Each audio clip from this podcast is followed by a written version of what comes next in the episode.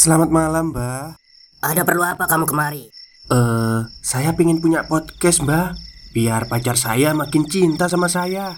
Loh, loh, loh.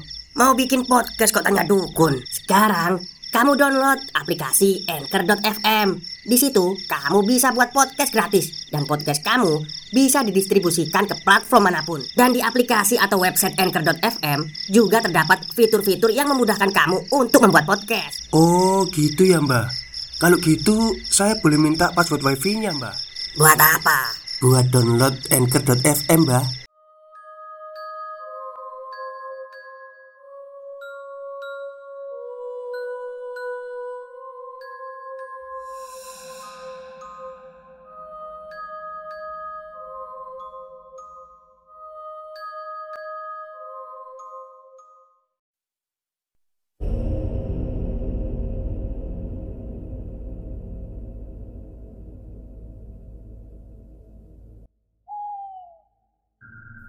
Assalamualaikum warahmatullahi wabarakatuh. Halo semuanya, jumpa lagi dengan saya Chow Sing Sing Kurator dari Podcast Horror Night Story. Halo, apa kabar semuanya? Semoga kalian semua sehat-sehat ya. Dan seperti biasanya pada malam hari ini Saya kembali dan akan membawakan sebuah kisah mistis untuk kalian semua Kisah mistis kali ini Saya datangkan dari tweet twitternya Mas Rama Atmaja Yang menceritakan tentang Seorang lelaki yang mempunyai uh, Indra ketujuh Atau Ya bisa dibilang indihome lah ya Seperti apa kisahnya? Mari kita simak Sebelum perumahan itu berdiri, mereka lebih dulu ada di situ. Namanya Ferdi. Tidak seperti orang pada umumnya. Dia memiliki kelebihan bisa melihat mereka. Jujur saja, setiap kali dia melihat mereka, dia merasa tidak nyaman. Waktu tidur berkurang saat ingin menjernihkan pikiran dengan cara liburan. Semua itu tidak bisa terlepas sejenak dengan bertemu dengan mereka. Jika boleh memilih, Ferdi lebih baik menjadi orang normal pada umumnya. Sabtu, waktu libur tiba. Ferdi berniat untuk mengisi liburan di puncak Bogor, Jawa Barat. Singkat cerita, pada hari Jumat, dia mulai merasakan adanya gangguan dari makhluk halus di sekitar rumah yang dirinya tempati di perumahan Bintaro. Maka dari itu, Ferdi berniat untuk meninggalkan atau menghiraukan makhluk itu di rumah. Dengan cara dia berlibur ke puncak sekaligus memakan gorengan di warung-warung di bawah kaki Gunung Gede atau dekat pos pendaftaran Gunung Gede via Cibodas. Karena jujur, dia sangat merindukan untuk mendaki gunung. Singkat cerita, Ferdi melakukan cek ulin di sebuah hotel ternama di puncak.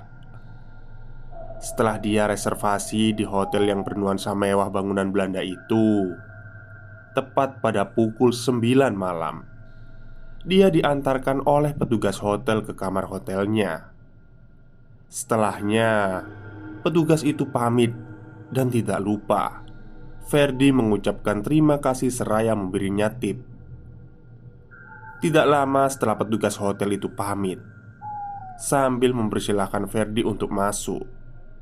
Beberapa menit kemudian, dari jendela hotel yang dilapisi gorden putih tipis dapat Ferdi lihat ada sosok wanita yang sedang berjalan, tetapi seperti melayang dari luar jendela hotel tersebut. Ferdi menggelengkan kepalanya, mencoba menghiraukan sosok itu. Sekitar pukul 10 malam, Ferdi menuju lobi hotel karena dia berniat untuk mengambil pesanan makanan yang dia pesan online melalui aplikasi. Pada saat dia berada di lobi hotel, Ferdi bertemu dengan petugas hotel yang tadi mengantarnya ke kamar. "Malam, Pak," sapa petugas tersebut ramah. "Eh, malam, Mas," balas Ferdi.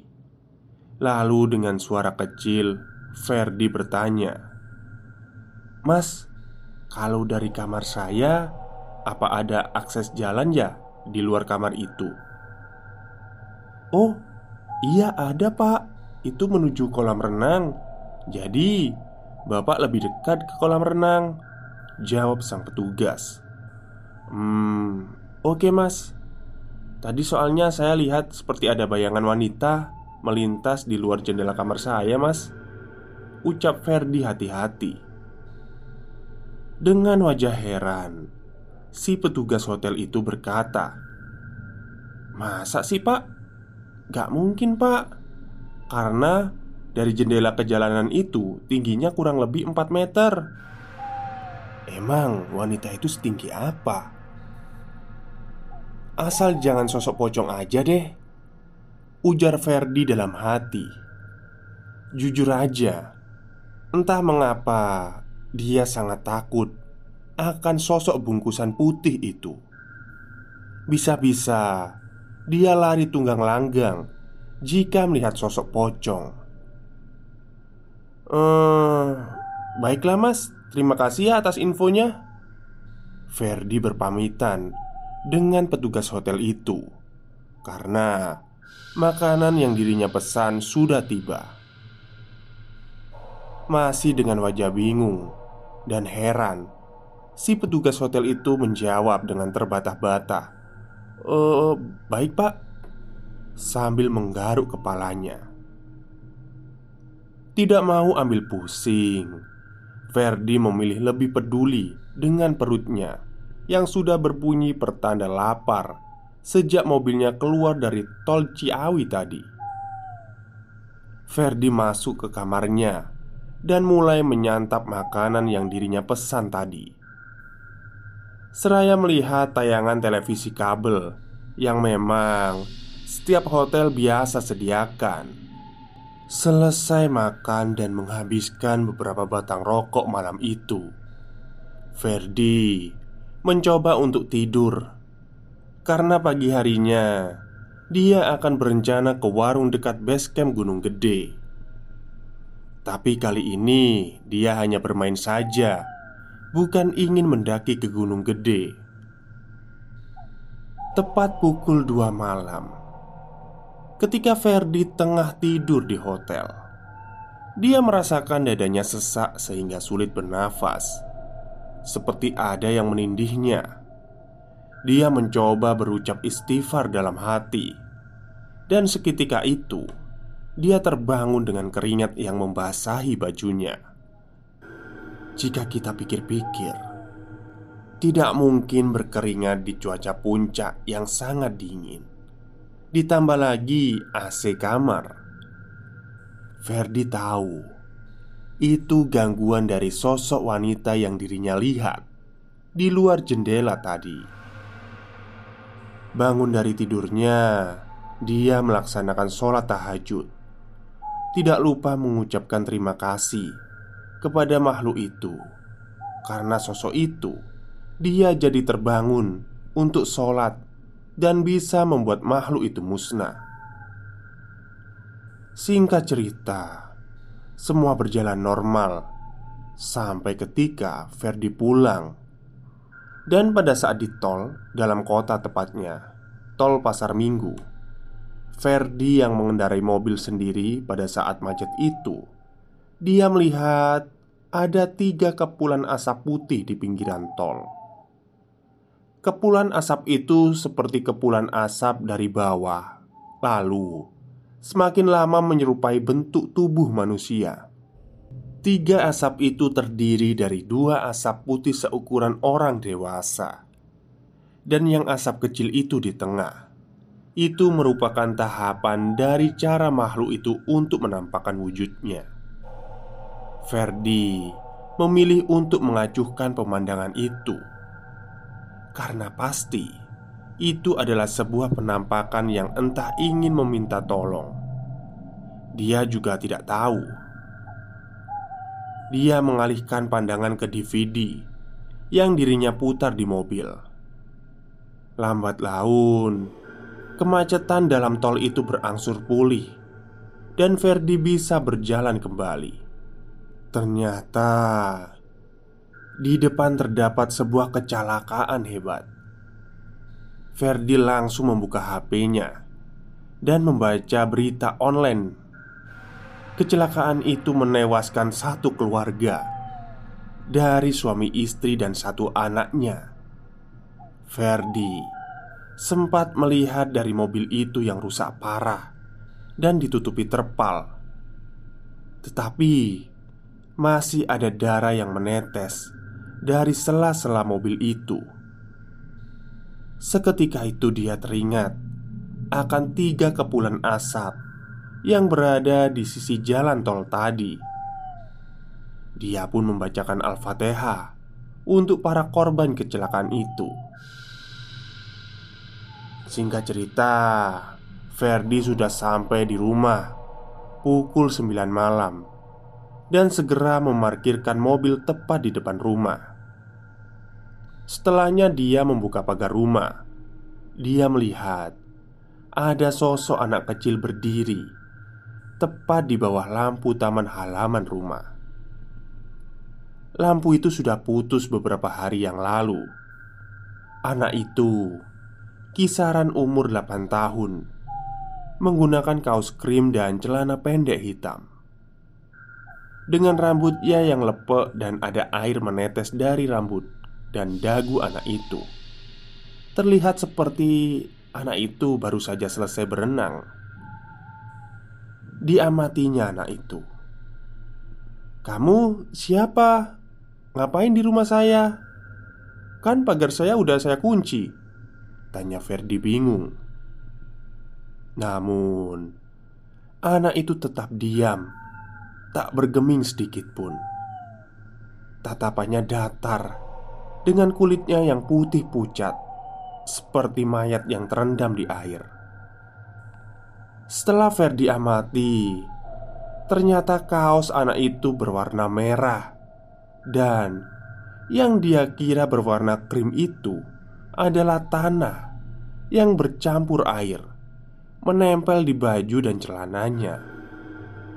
Seketika itu, Ferdi merasakan pusing yang teramat. Pandangannya buram, dan seperti mimpi, dia sudah berada di suatu tempat yang dirinya sendiri tidak tahu entah di mana itu. Saat ini, Ferdi berada di tepian danau, dan dia melihat ada tiga orang anak sedang bermain di tepian danau itu. Ferdi terus mengamati mereka dari seberang danau itu. Diperhatikannya, mereka bertiga seperti sedang membicarakan sesuatu. Ferdi mencoba mendekati ketiga anak itu.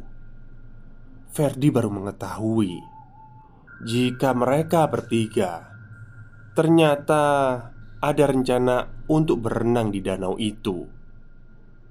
Dia mengajak kedua temannya itu, namun Kedua anak itu tidak berani karena mereka pikir danau itu sangat dalam.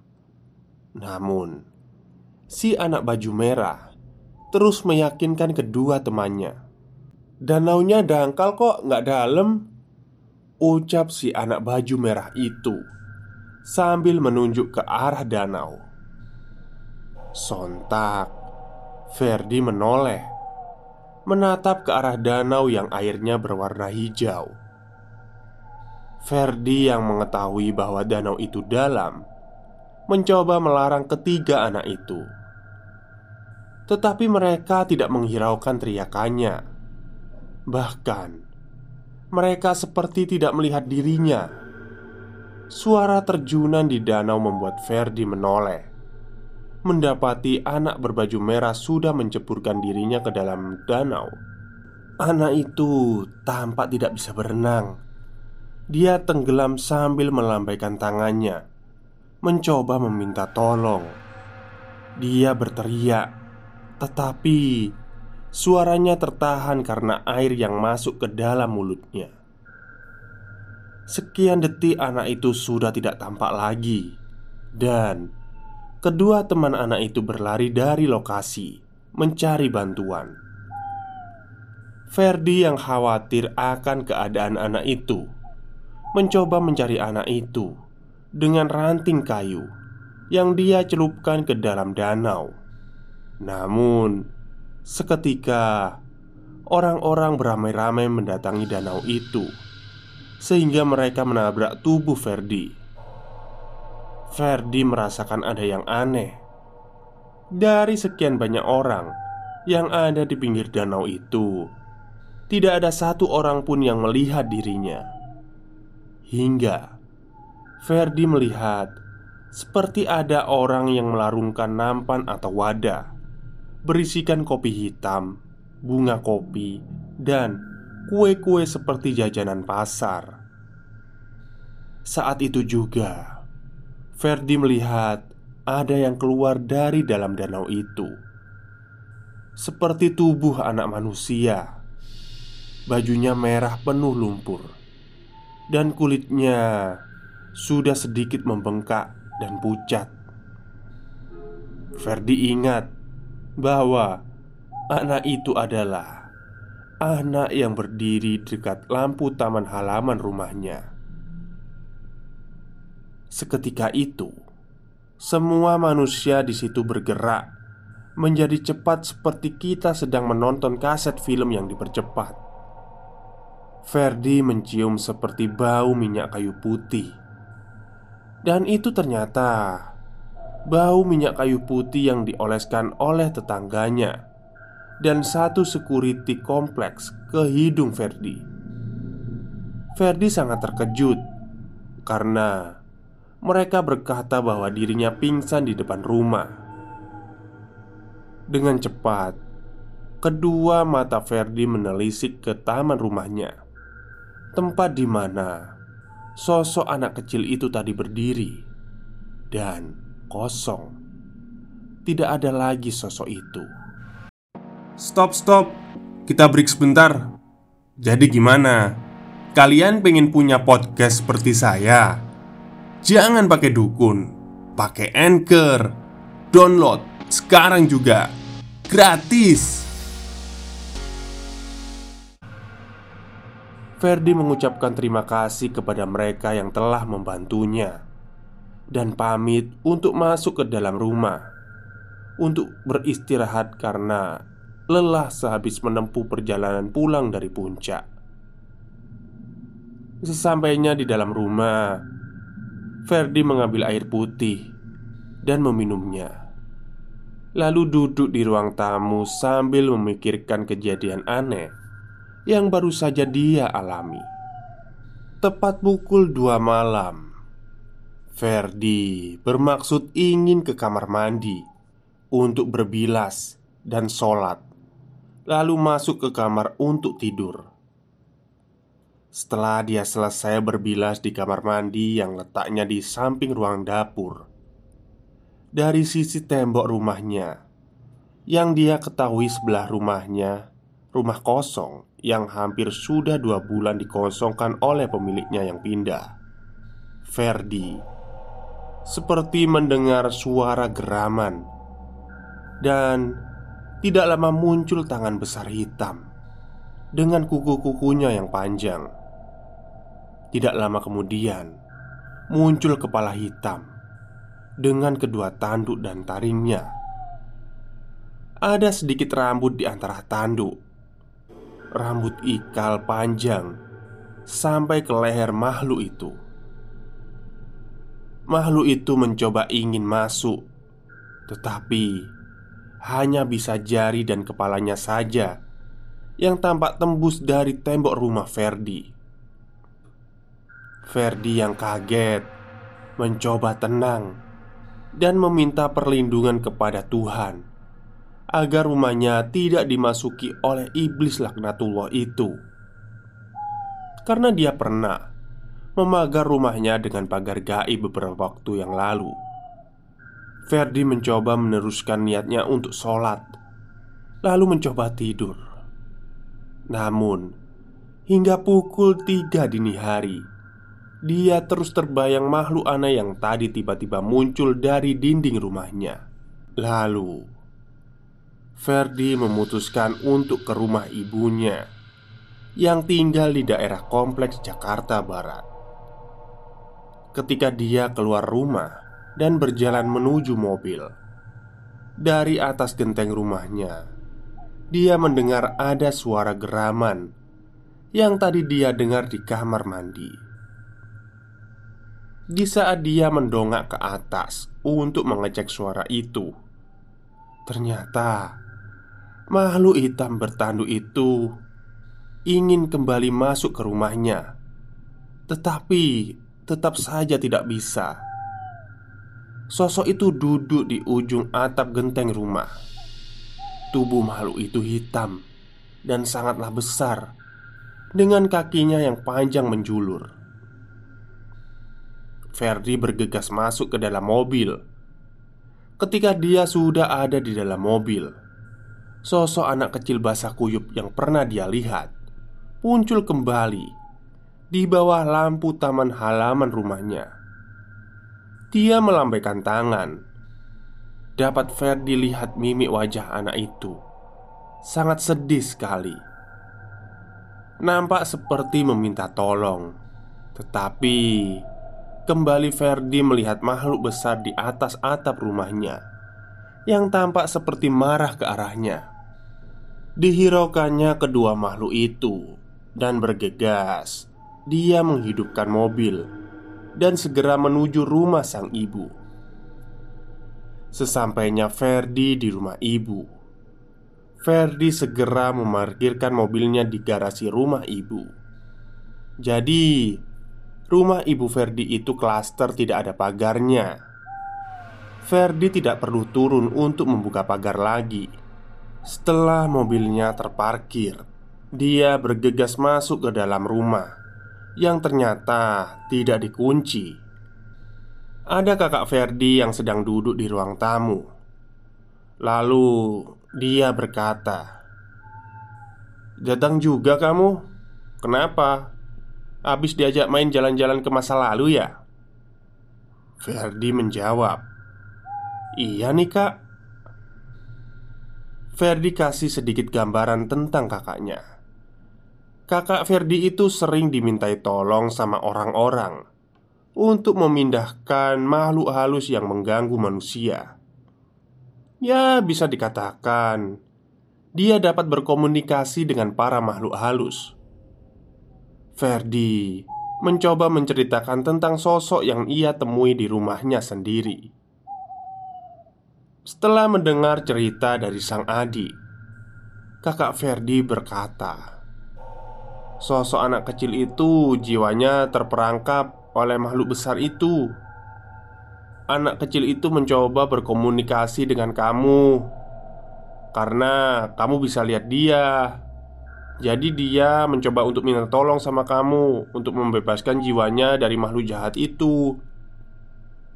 Oh, gitu ya, Kak. Jawab Ferdi. Aku nggak mungkin berani, Kak untuk membebaskan anak itu dari makhluk serem itu. Melihatnya saja aku sudah ngeri. Apalagi kalau sampai aku berhadapan dengan makhluk besar itu. Sambung Ferdi. Iya sih. Bisa-bisa nanti kamu bertukar posisi sama anak kecil itu. Anak kecil itu bebas, malah jiwa kamu yang ditahan sama makhluk itu. Jawab kakaknya lagi. Lalu kakak Ferdi bercerita. Dulu sebelum perumahan yang sekarang kamu tempati menjadi rumah kamu itu Itu sebelumnya rawa-rawa. Dan ada danau yang tidak terlalu besar di dalamnya. Nah, makhluk besar itu usianya sudah ratusan tahun Menempati lokasi itu. Dia sebenarnya nggak ganggu dan tidak mau dipindahkan. Karena dia merasa itulah tempat dia sebelum adanya perumahan. Tapi Sosok anak itulah yang mengganggu. Anak itu tercebur di danau itu karena ulahnya sendiri, dan tempat anak itu meninggal dulu sekarang menjadi rumah kamu, tepat di halaman rumah kamu. Ya, begitulah tipu daya setan, Fer. Tidak semudah itu kita membebaskan apa yang sudah menjadi ketetapannya. Maka dari itu, tanamkan ilmu agama ke anak cucu kita kelak agar tidak tersesat di dunia maupun di akhirat, dan jangan sampai lengah dalam menjaga anak. Karena itu, bukan diberikan begitu saja oleh Tuhan, tapi kitalah yang memintanya kepada Tuhan dengan proses dan ketetapannya. Makanya, jaga dan rawatlah apa yang telah kita minta dan diberikan oleh Tuhan. Itulah yang disebut amanah. Lanjut, Kakak Ferdi. Tapi aku kasihan sama sosok anak kecil itu, Kak. Rohnya tidak seharusnya di situ tempatnya, ujar Ferdi. Ya udah, kamu keluar rumah lalu kamu lihat di seberang rumah ibu deh. Ferdi menuruti ucapan sang kakak. Dia bergegas keluar dan melihat ada sosok anak kecil yang tadi dia jumpai di rumahnya di kompleks Bintaro. Tetapi kali ini penampilan anak itu berubah. Bajunya rapi, tidak basah. Rambut serta badannya kering. Dia tersenyum dan melambaikan tangan seketika, dan dia menghilang seperti cahaya putih terbang ke atas langit. Lalu Ferdi kembali masuk ke dalam rumahnya dan berbicara kepada kakaknya, "Kak, anak kecil itu tadi ada di depan rumah, tapi kok penampilannya beda ya?" Kakak Ferdi tersenyum dan menjawab, "Itu karena niat tulus dari hati kamu yang berniat untuk melepaskan dia. Kamu baru niat aja, dia sudah bebas dari cengkeraman makhluk itu. Itulah keutamaan sholat fair. Apa yang mengganjal di hati kamu, Tuhan mencoba membebaskannya. Aduh, ya udah kak, aku mau wudhu dulu. Ucap Ferdi, karena memang sudah masuk waktu subuh saat itu. Maka cukuplah Tuhan menjadi penolong kami, dan Tuhan sebaik-baiknya sandaran, yaitu Tuhan cukup bagi orang yang bertawakal kepadanya dan berlindung kepadanya. Barang siapa yang beroyal kepadanya dan meminta pertolongannya, serta menyerahkan segala urusan kepadanya, maka Tuhan akan melindunginya dengan penjagaan dan naungannya. Catatan: Nama sosok hitam besar dan bertanduk tidak dituliskan oleh sang penulis, karena sama saja kita akan memanggilnya ke tempat kita. Tamat. Baik, itulah akhir cerita pada malam hari ini. Cerita dari tweetnya Mas Rama Atmaja. Terima kasih Mas Rama Atmaja sudah diizinkan untuk membacakan tweetnya ya di podcast Soro Next Story. Jadi uh, kalau saya baca ini sepertinya Ferdi dan keluarganya ini memang ada keturunan IndiHome ya. Apalagi kakaknya tuh kayaknya sangat sakti tuh bisa berkomunikasi dengan makhluk. Kalau Ferdi kan hanya bisa melihat Tapi gak tahu juga sih Entah bisa komunikasi atau enggak Oke mungkin itu saja pada malam hari ini Yang bisa saya sampaikan Semoga kalian suka. Kurang lebihnya saya mohon maaf. Wassalamualaikum warahmatullahi wabarakatuh